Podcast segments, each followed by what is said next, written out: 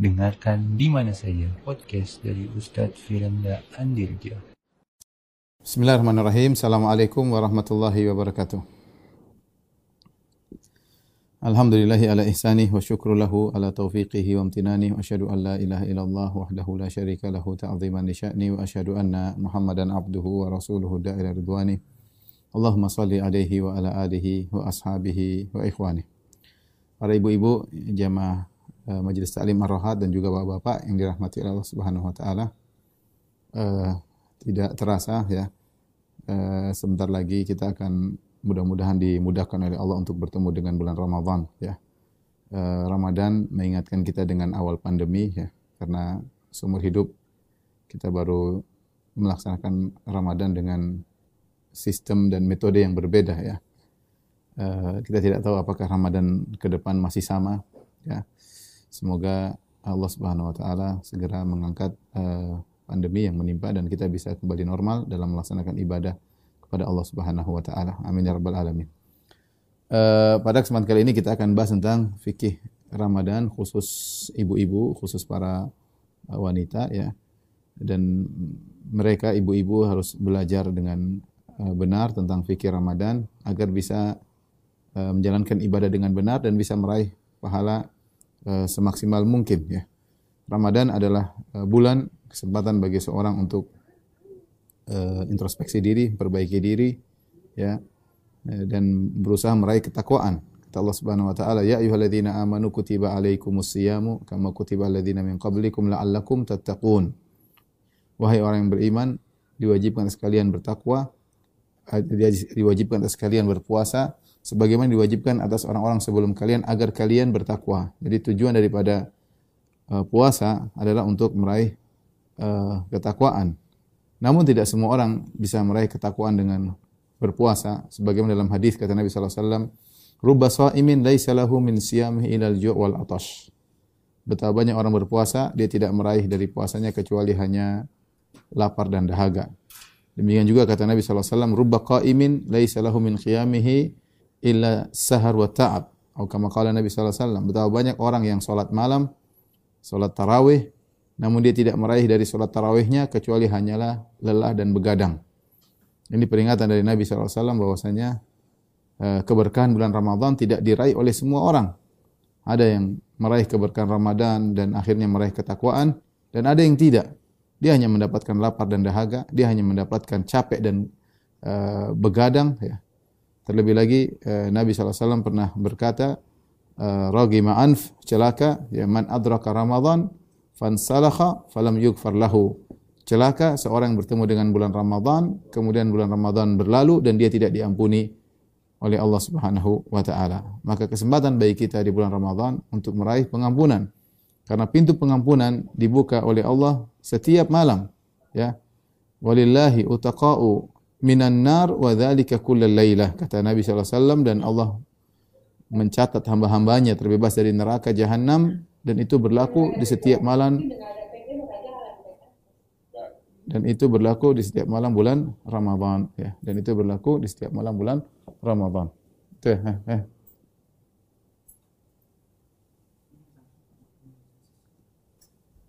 Baik, uh, ibu-ibu yang dirahmati Allah Subhanahu wa taala, oleh karena itu perlu bagi kita untuk uh, sama-sama belajar uh, fikih Ramadan tetapi pada kesempatan kali ini kita fokuskan tentang fikih Ramadan yang berkaitan khusus para ibu-ibu ya. Dan tentu ibu-ibu di bulan Ramadan biasanya uh, lebih berat lagi kegiatannya ya. Karena ibu-ibu sendiri adalah makhluk yang lemah ya. Terlebih lagi di bulan Ramadan harus ngurusin istri, eh, ngurusin suami, ngurusin anak-anak, menyiapkan uh, sahur, menyiapkan buka puasa ya uh, dalam kondisi berpuasa ya.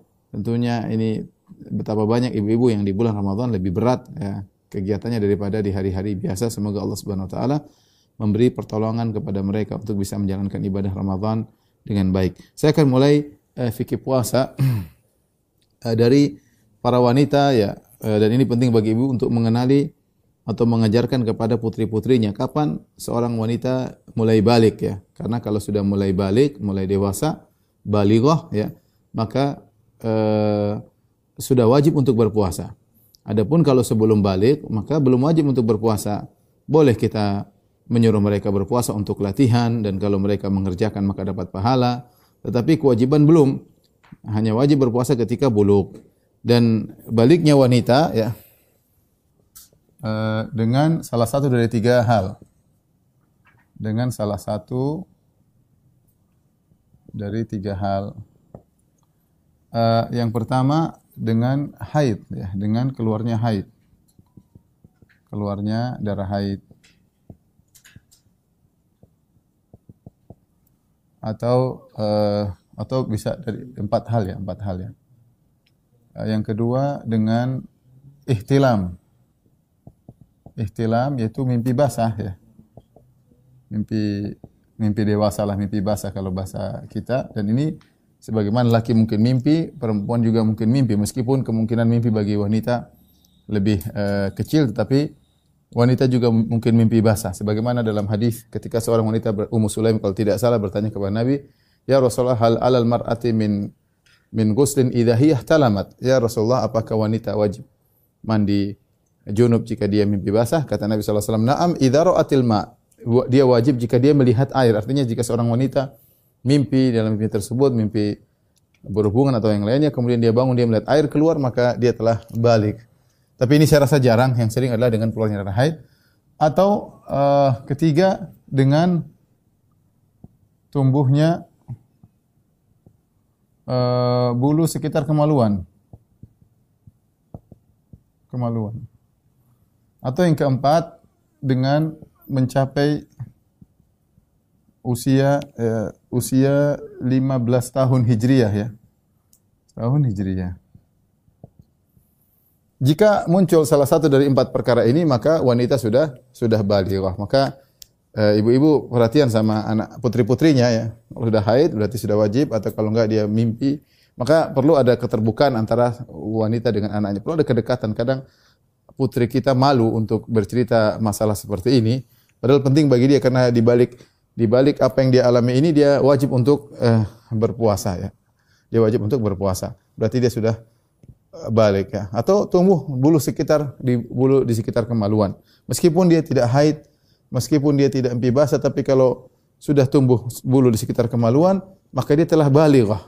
Atau tidak haid, uh, tidak mimpi basah, tidak tumbuh bulu tapi sudah usia 15 tahun Hijriah, maka dia wajib untuk uh, uh, untuk uh, berpuasa ya karena dia sudah balik wajib puasa wajib wajib uh, dan uh, seterusnya inilah salah satu dari empat hal yang uh, menjadikan wanita sudah sudah wajib untuk berpuasa. Taib. Karena sebagian wanita dia menyangka namanya balik cuma kalau keluar darah haid, kalau belum keluar darah haid tidak balik. Ini adalah pemahaman yang keliru. Padahal bisa diketahui dari salah satu dari empat perkara ini. Perkara yang berikutnya, ibu yang dirahmati Allah Subhanahu uh, wa taala ya uh, berkaitan dengan wanita haid ya.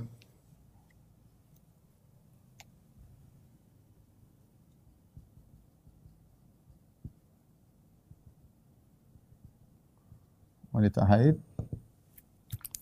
Uh, pertama diperhatikan pertama jika uh, dia merasa besok pagi, besok besok hari jadwal haidnya sebagaimana biasanya, sebagaimana biasanya, tetap wajib baginya ya untuk niat puasa sejak malam. Sejak malam karena ada kemungkinan karena ada kemungkinan haidnya tertunda. Ini sering terjadi. Kemungkinan haidnya tertunda. Sebagian wanita melakukan kesalahan ketika dia merasa ah besok saya biasanya haid, besok ini sudah mau tanda-tanda besok saya haid.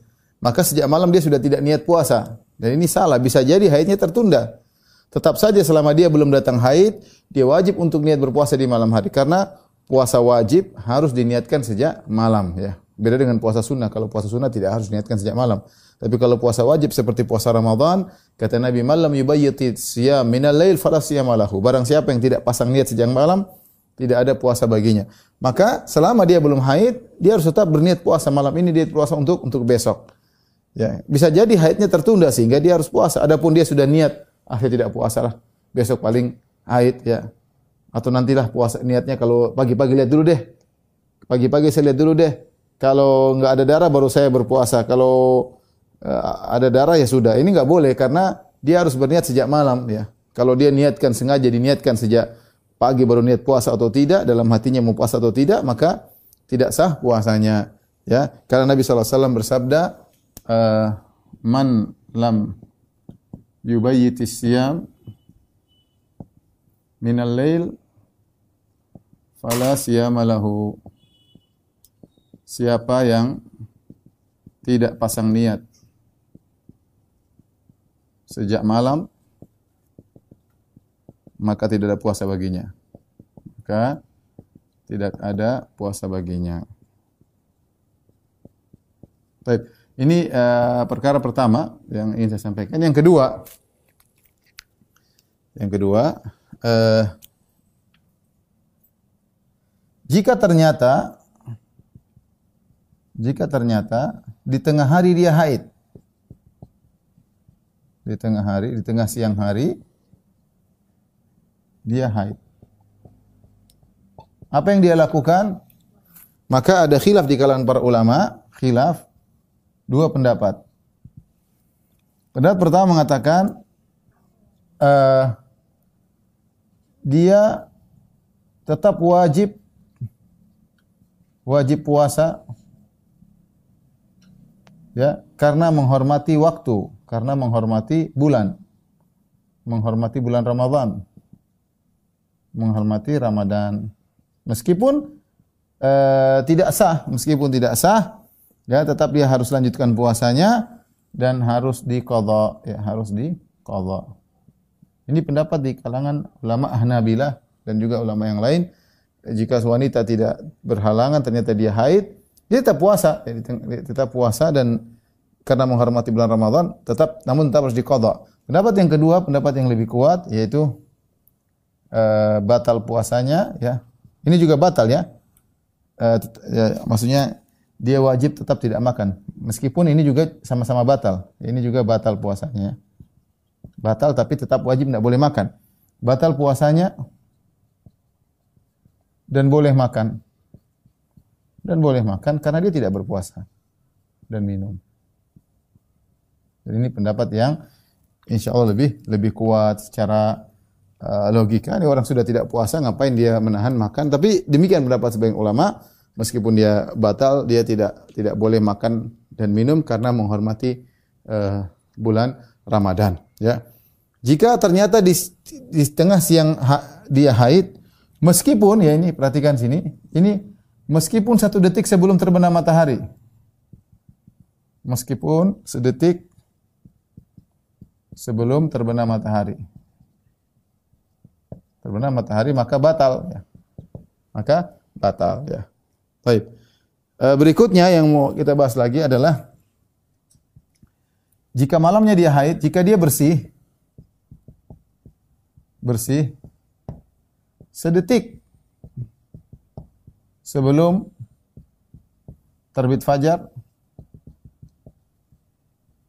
bagaimana? Tetap wajib berpuasa. Maka wajib berpuasa wajib berpuasa meskipun mandi junubnya ditunda. Meskipun mandi mandi besarnya ditunda setelah azan.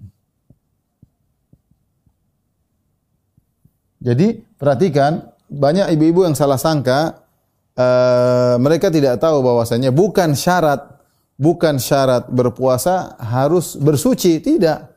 E, ketika maksudnya harus dalam kondisi ber, bersuci sudah wudhu sudah mandi bersih tidak. Syarat berpuasa yang penting anti tidak haid.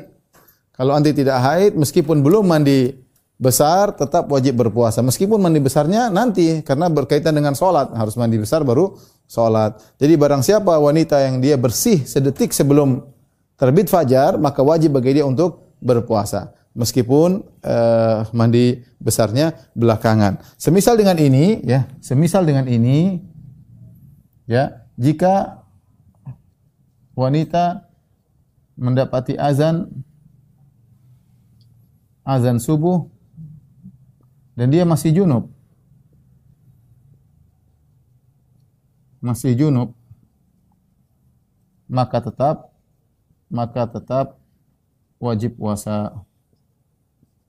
Wajib puasa mandi junubnya ditunda.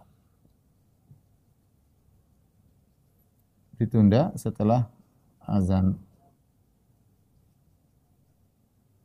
Setelah itu ya. Ya.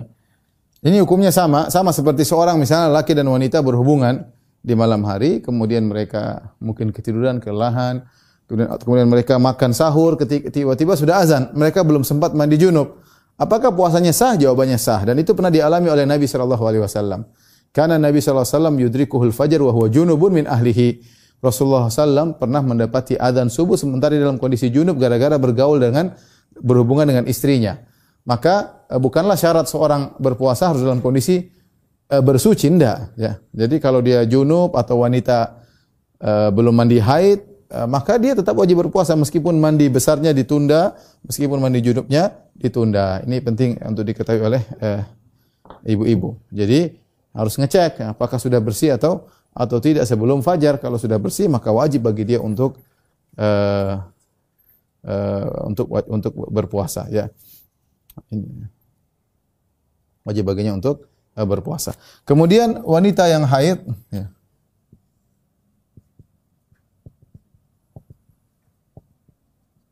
Haid harus mengkodok mengkodok puasanya puasanya setelah Ramadan. Tidak boleh diganti dengan fidyah.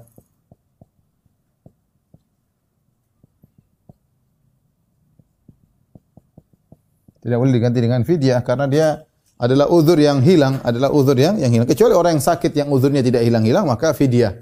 Adapun uzur yang akan hilang maka gantinya dengan qadha. Jangan sampai ada seorang wanita haid, aduh saya malas, saya mau saya mau ganti dengan fidyah saja lah, kasih makan orang miskin.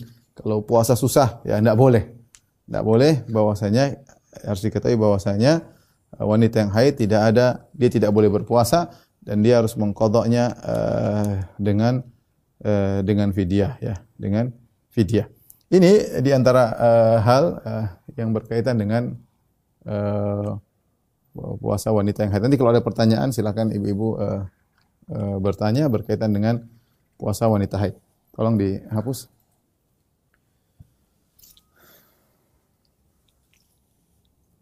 Berikutnya ibu-ibu yang dirahmati Allah Subhanahu wa taala kita akan bahas tentang mengenai cumbu, cium dan jima di bulan Ramadan ya.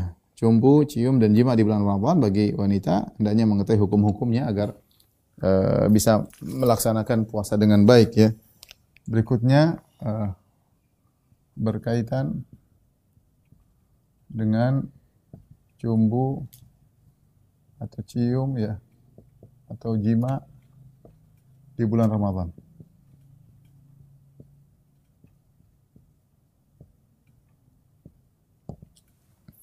Ada beberapa permasalahan yang harus uh, kita ketahui. Ya, yang pertama, uh, bahwasanya uh, jima diperbolehkan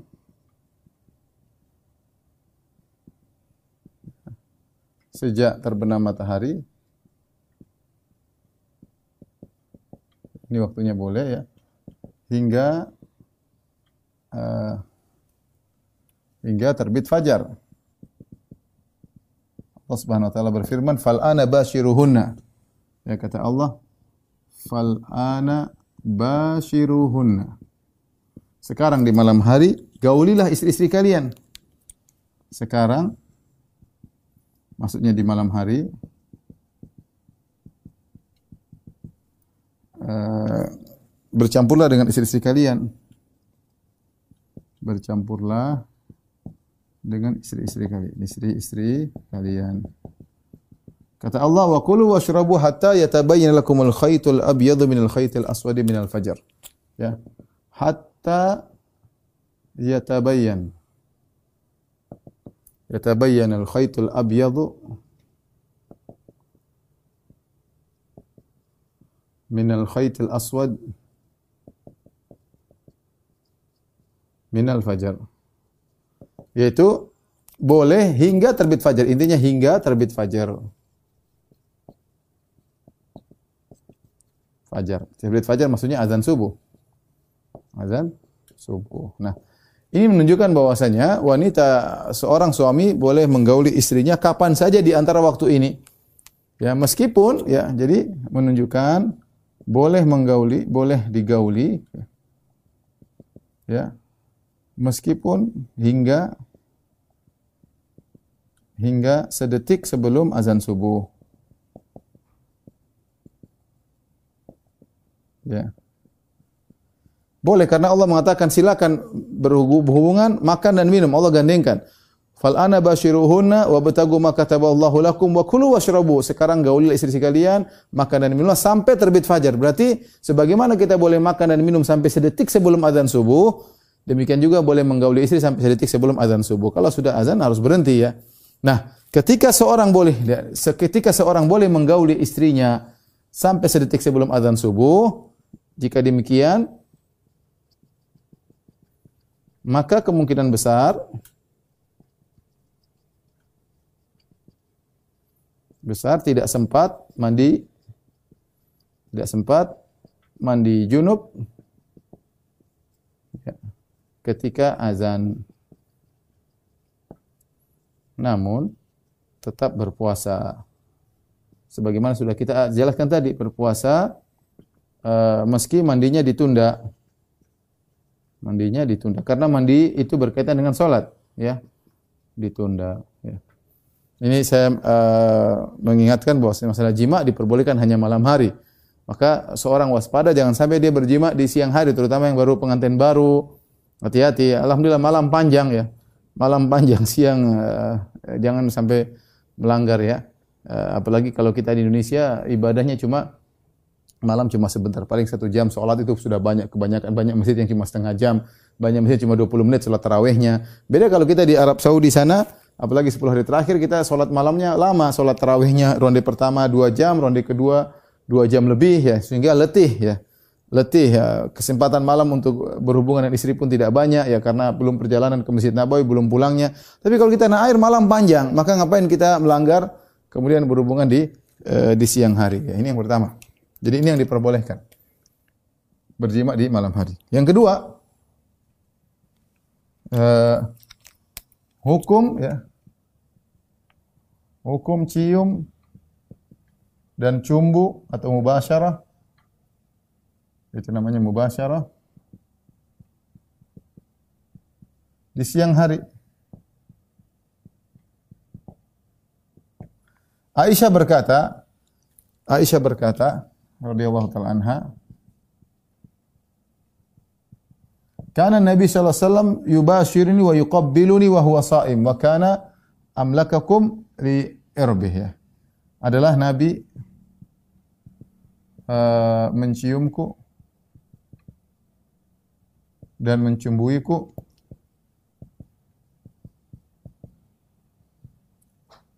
uh, padahal dia puasa. Padahal beliau sedang berpuasa. Namun dia beliau orang sallallahu alaihi wasallam orang yang paling yang paling bisa menahan nafsunya, menahan diri, mengontrol dirinya.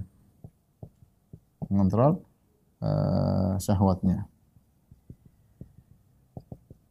Maka ini dalil bahwasanya uh, mencium dan mencumbu wanita uh, tidak membatalkan puasa dan boleh. Ini menunjukkan hukumnya uh, cumbu dan uh, cium dan cumbu ya. Karena Aisyah mengatakan karena bisa yuqabbiluni wa. Mencium kita tahu mencium yaitu mulut dengan mulut atau bibir dengan mulut. Lebih daripada itu wa yubashiruni mencumbui mencumbui itu ya menyentuh uh, apa namanya? Ya sebagaimana cumbu lebih daripada itu. Asalnya mubasyarah itu pertemuan antara kulit dengan kulit. Tetapi ini semua tidak sampai pada derajat jima ya, tidak sampai pada derajat jima ya. Maka seorang yang mampu untuk menahan mengontrol dirinya, kesimpulannya seorang yang mampu mengontrol dirinya dirinya boleh mencubui istrinya mencubui istrinya. Uh, menunjukkan bahwasanya Nabi SAW meskipun dalam kondisi berpuasa tetap mesra sama istrinya. Saya ulangi Nabi SAW meskipun dalam kondisi berpuasa tetap mesra terhadap terhadap istrinya ya sampai beliau mencubui istrinya beliau mencium istrinya padahal sedang sedang berpuasa namun dia bisa mengontrol mengontrol dirinya mengontrol dirinya. Bagi yang tidak bisa mengontrol maka jangan dia lakukan. Jangan uh, apa namanya menggembalakan gembalaan di sekitar daerah terlarang. Hati-hati. Ya, uh, menggembalakan daerah uh, gembala di sekitar daerah terlarang bisa jadi masuk dalam daerah terlarang. Maka jika pemuda yang dia tahu bahwasanya syahwatnya tidak bisa dia kontrol atau sang wanita tidak bisa mengontrol syahwatnya, bisa jadi dia terbawa akhirnya melakukan jima di siang hari dan dia melakukan uh, hal yang yang membatalkan uh, puasanya dan bah bahkan harus bayar kafarah. Jadi kalau suami mucim tidak jadi tidak mas, tidak jadi masalah. Perhatikan di sini uh, uh, selama bukan jima ya. Selama bukan jima. Ini hukum cium dan mencumbu di siang hari uh, selama bukan jima. Tapi berikutnya bagaimana kalau terjadi jima? Yang menakjubkan di antara ulama Ibnu Hazm rahimahullahu taala seorang ulama zahiriyah dia berpendapat bahwasanya mencium mencumbui uh, apa namanya dianjurkan ya. Dianjurkan disunahkan. Karena Nabi melakukan. Tapi yang ketiga jika terjadi jima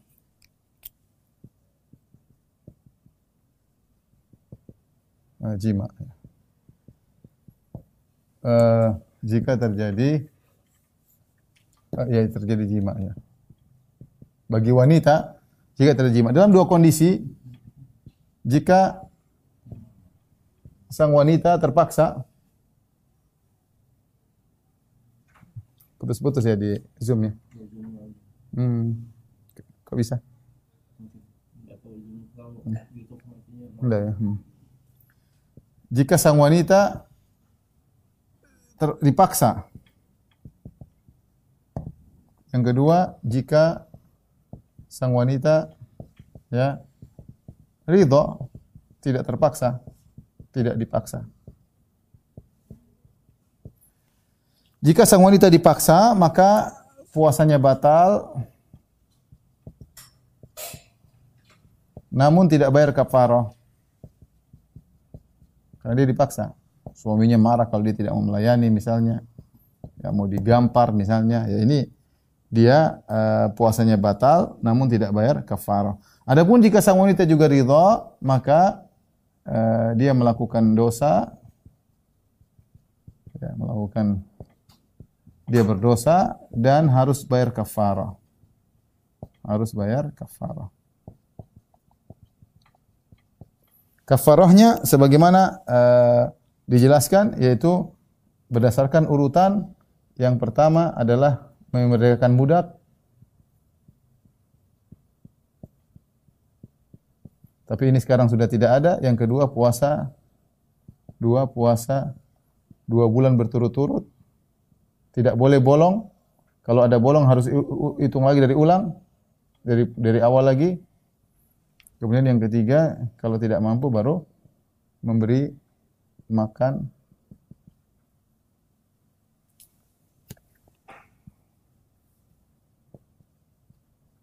makan 60 orang miskin.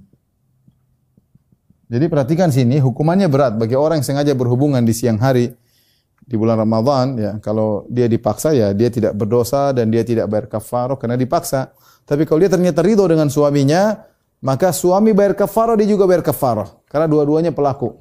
Ada khilaf memang tapi pendapat yang lebih kuat dua-duanya bayar kafarah.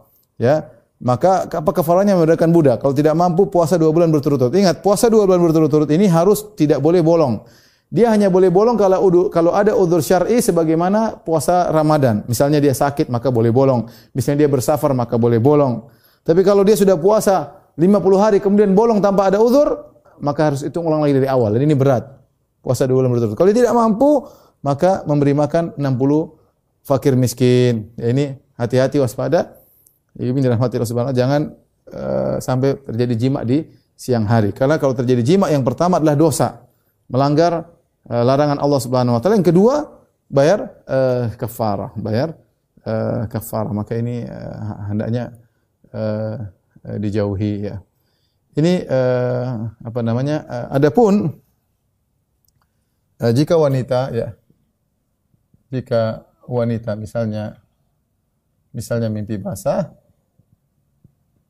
sebagaimana laki mimpi basah ya maka puasa tidak batal dan tidak mengapa. Dan dilanjutkan.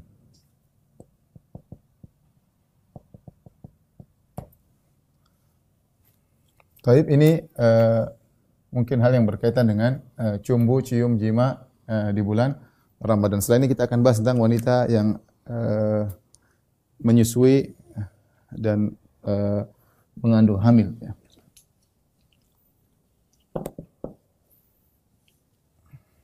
Jadi kalau ibu-ibu ternyata suaminya ingin mencumbui, ingin mencium, selama bisa mengontrol diri tidak jadi masalah ya. Tidak jadi masalah. Sebenarnya Nabi SAW mencium Aisyah, mencumbui Aisyah dan ini menunjukkan bagaimana uh, romantisnya Nabi bahkan tatkala di bulan Ramadan dalam sedang beribadah Nabi masih bisa menyenangkan hati istrinya dengan dicium, dengan dicumbui uh, tentu tanpa menggauli karena menggauli hukumnya adalah haram. Taib uh, yang ketiga berkaitan kita bicara tentang berkaitan wanita yang hamil dan menyusui. Untuk wanita hamil dan menyusui, ya, jika dia khawatir terhadap dirinya atau dia khawatir tentang janinnya, ya, maka kita tahu dia boleh tidak puasa. Dia boleh tidak ber, berpuasa. Karena wanita hamil dalam kondisi berat, kata Allah Subhanahu wa taala, hamalathu ummuhu wahnan. Ya. Hamalathu ummuhu kurhan wa wada'athu kurhan, ya. Uh, sang, apa namanya? Uh, kemudian juga wahnan ala wahnin. Bagaimana seorang wanita ketika mengandung dalam kondisi dia tidak suka karena dia beban berat punya anak ya. Kemudian juga uh, wahnan ala wahnin semakin lemah dirinya wanita sendiri sudah lemah apalagi dalam kondisi mengandung dia lemah ya. Dia lemah. Bahkan terkadang gizinya yang dia makan diambil oleh sang janin terkadang dia mengkhawatirkan dirinya terkadang dia mengkhawatirkan janin mungkin dia kuat tapi kalau dia berpuasa akhirnya janinnya bermasalah karena kurang asupan gizi dari ibunya dan ini akhirnya memberi kemudaratan kepada sang janin ya.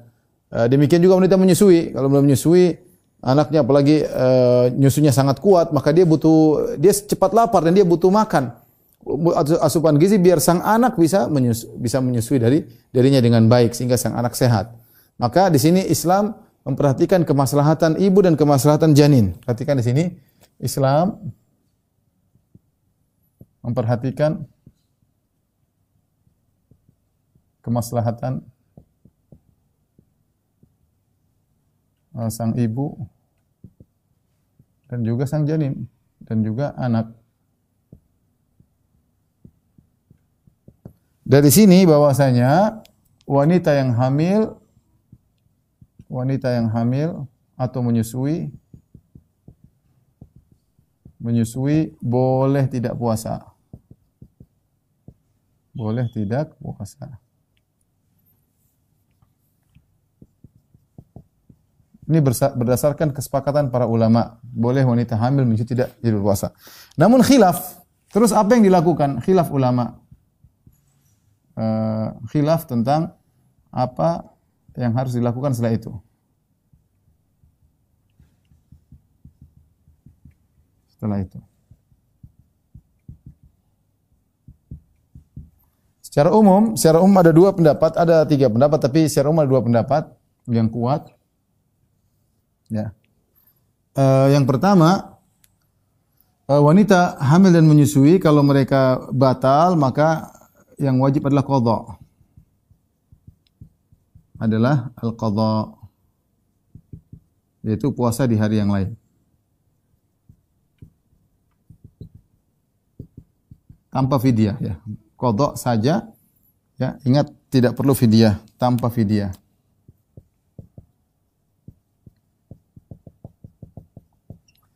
Pendapat yang kedua ini pendapat pertama, ya, ini pendapat pertama. Pendapat yang kedua cukup diganti dengan fidyah. Cukup diganti dengan fidyah tanpa qada. Tanpa qada. Fidyah memberi makan satu hari diganti dengan memberi makan satu orang fakir miskin, ya. Nah, uh, mana yang lebih kuat di antara dua pendapat ini? Pendapat pendapat pendapat ini pendapat jumhur ulama, mayoritas ulama ya, mayoritas. Mereka mengatakan uh, dikiaskan dikiaskan dengan sakit dan safar. Allah Subhanahu wa taala mengatakan faman kana minkum maridhan aw ala safarin fa iddatun min ayamin ukhar. Kata Allah barang siapa di antara kalian uh, sakit atau safar maka diganti di hari-hari yang lain. Dan kita tahu sakit dan safar ini adalah ini adalah dua uzur yang bisa hilang. Sakit sakit dan safar adalah adalah dua uzur yang bisa hilang. Maka demikian pula maka demikian pula pula halnya dengan hamil dan menyusui. Hamil atau menyusui. Karena hamil dan menyusui adalah dua uzur yang bisa hilang. Wanita tidak selamanya hamil, wanita tidak menyusui. Kalau begitu karena hamil dan menyusui adalah dua uzur yang bisa hilang, maka dikiaskan dengan seperti sakit dan safar sama-sama uzur yang bisa hilang, maka kewajibanlah qadha ya. Itu ingat sama-sama uzur yang bisa hilang. Baik. Secara secara secara dalil maka ini yang lebih kuat bahwasanya wanita yang hamil dan menyusui kewajibannya juga adalah qadha. Namun ada pendapat lain yang mengatakan cukup diganti dengan fidyah tanpa qadha ya. Ini pendapat ini pendapat Ibnu Umar, fatwa dari Ibnu Umar dan Ibnu Umar dan Ibnu Abbas. Ini fatwa dari Ibnu Umar dan Ibnu Abbas. Ya. Membayar fidyah mirip seperti cukup membayar fidyah.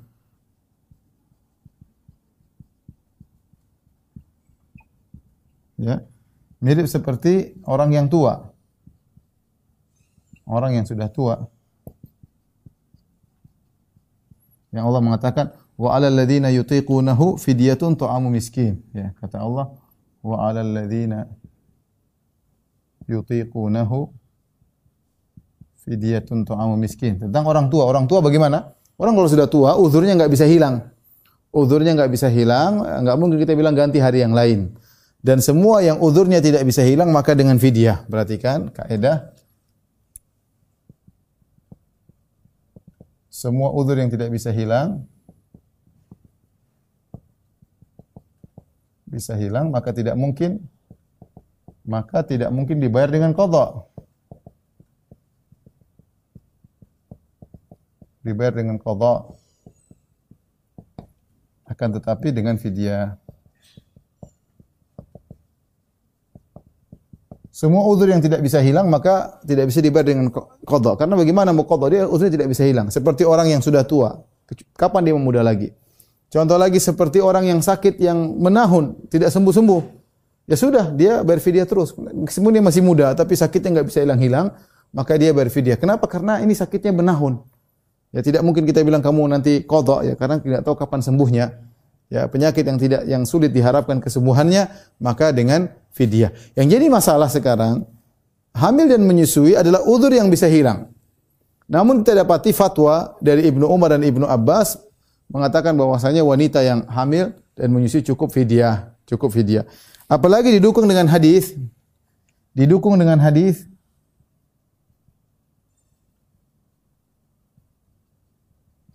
Kata Nabi SAW, Inna, wa, inna Allah wada'a anil musafir syatra salah.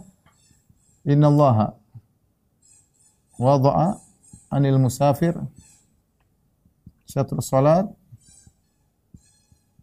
wa anil hamil wal murdi as-siyam. Perhatikan, ini dari namanya dalil apa namanya? iktiran. Kata Nabi SAW, kata Nabi SAW, sungguhnya Allah mengangkat dari orang yang sedang bersafar setengah solat. Orang kalau bersafar kan, kalau kita nggak bersafar kan solatnya empat rakaat.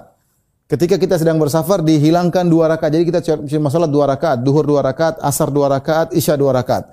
Ketika kita solat diangkat setengahnya, apakah kita wajib mengkodok dua rakaatnya nanti kalau pulang ke rumah? Jawabannya tidak perlu mengkodok, sudah diangkat hilang begitu saja. Diringankan dari empat jadi dua, maka dihilangkan setengah solat. Dan Nabi mengatakan wa anil hamil war asiyam dan Allah mengangkat puasa bagi hamil dan murdi dan ini sama berarti kalau puasa diangkat tidak perlu dikodok lagi. Sebagaimana dua rakaat yang di yang dipotong ketika kita sedang safar tidak perlu dikodok, demikian juga Allah meng, mengangkat puasa dari orang hamil dan menyusui tidak perlu dikodok lagi. Ini menguatkan pendapat Ibnu Umar dan Ibnu Abbas. Oleh karena dua pendapat khilaf yang kuat di kalangan para ulama Uh, saya sendiri, saya sendiri lebih condong kalau kita mampu, kalau kita mampu maka kita kodok. Karena kalau seorang wanita hamil menyusui dia kodok maka tidak ada yang menyalahkan. Semua sepakat sah. Tapi kalau ada orang wanita hamil menyusui dia bayar dia tidak kodok maka ada yang mengatakan tidak sah. Untuk keluar daripada khilaf lebih baik kita mengkodok kalau mampu. Kecuali dalam kondisi seorang wanita tidak mampu hamil berturut-turut bertahun ya ini hamil sekarang hamil Tahun pertama hamil, kemudian tahun kedua menyusui, tahun ketiga hamil, tahun keempat menyusui, tahun kelima hamil, tahun keenam menyusui. Nah, kemudian mau bayar kapan? Bertumpuk-tumpuk utangnya.